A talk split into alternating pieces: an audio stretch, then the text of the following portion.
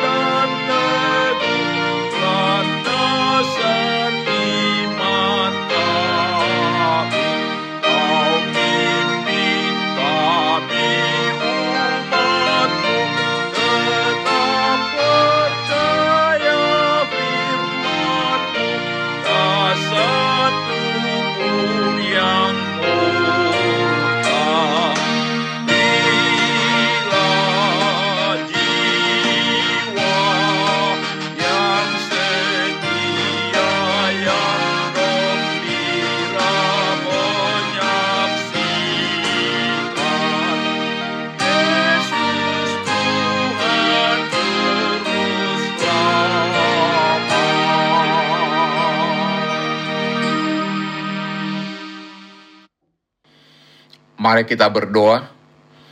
Tuhan Yesus, di pagi hari ini kami hendak merenungkan firman-Mu. Berikan kepada kami hikmat dan pengertian untuk memahami firman-Mu dan tolong kami untuk melakukan firman-Mu dalam kehidupan kami.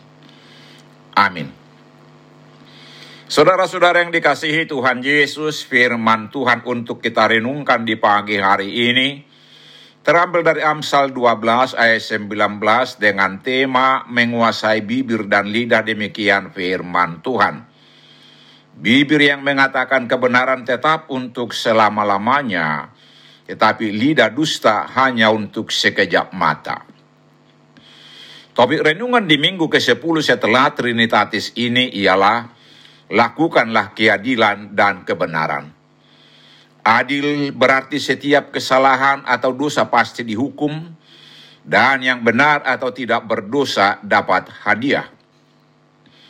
Benar artinya tidak dusta, tidak bohong. Allah adalah sungguh-sungguh benar dan Yesus Kristus adalah kebenaran. Yohanes 14 ayat 6 dan firman Allah ialah kebenaran. Yohanes 17 ayat 17. Orang Kristen berasal dari kebenaran itu. 1 Yohanes 3 ayat 19. Allah membenarkan orang-orang berdosa karena iman, artinya orang-orang berdosa yang percaya kepada Yesus Kristus dibenarkan Allah. Allah menunjukkan kasih dan keadilannya atau kebenarannya di dalam Yesus Kristus. Dalam ayat hari ini diingatkan supaya setiap perkataan yang keluar dari mulut kita benar adanya. Jangan ada kata-kata dusta atau bohong. Dusta atau bohong adalah dosa yang upahnya maut.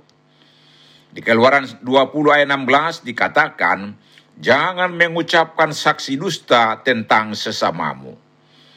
Dan di Matius 12 ayat 36 dan 37 dikatakan, setiap kata-kata sia-sia yang dikatakan orang harus dipertanggungjawabkannya pada hari penghakiman. Karena menurut ucapanmu engkau akan dibenarkan dan menurut ucapanmu engkau akan dihukum. Karena itu kita harus sungguh-sungguh menjaga setiap kata-kata yang keluar dari mulut kita karena kelak harus kita pertanggungjawabkan pada hari penghakiman. Saudara-saudara yang dikasihi Tuhan Yesus, Kata-kata adalah hasil lidah dan bibir. Lidah yang kecil di antara tubuh ia seperti api kecil yang dapat membakar hutan yang besar. Dengan lidah kita memuji Tuhan Bapa kita dan dengan lidah kita mengutuk manusia yang diciptakan Allah menurut rupa Allah. Dari mulut yang satu keluar berkat dan kutuk. Hal ini tidak boleh terjadi. Yakobus 3 ayat 9 dan 10. Janganlah perkataan kotor yang kosong atau yang sembrono termasuk caci maki keluar dari mulut kita, karena itu tidak pantas. Hendaklah dari mulut kita selalu keluar kata-kata yang baik, kata-kata yang membangun, kata-kata yang memberkati dan ucapan syukur. Bagaimana supaya mulut dan lidah kita hanya mengatakan yang baik? Dengan kekuatan kita sendiri tidak sanggup melakukannya. Karena itu kita harus mohon pertolongan Yesus Kristus agar tubuh kita menjadi baik Allah dan roh Allah diam di dalam kita 1 Korintus 3:16. Mari kita terus hidup dalam persekutuan yang karib dengan Yesus Kristus dengan mendengar, merenungkan dan melakukan firman-Nya. Hanya dengan pertolongan Tuhan Yesus kita dapat menguasai bibir dan lidah kita, sebab di luar Dia kita tidak dapat melakukan apa-apa. Amin. Mari kita berdoa. Tuhan Yesus, tolonglah kami untuk dapat menguasai lidah dan bibir kami, supaya apa yang kami katakan hanya kebenaran yang menyenangkan hatimu. Amin. Tuhan Yesus memberkati kita.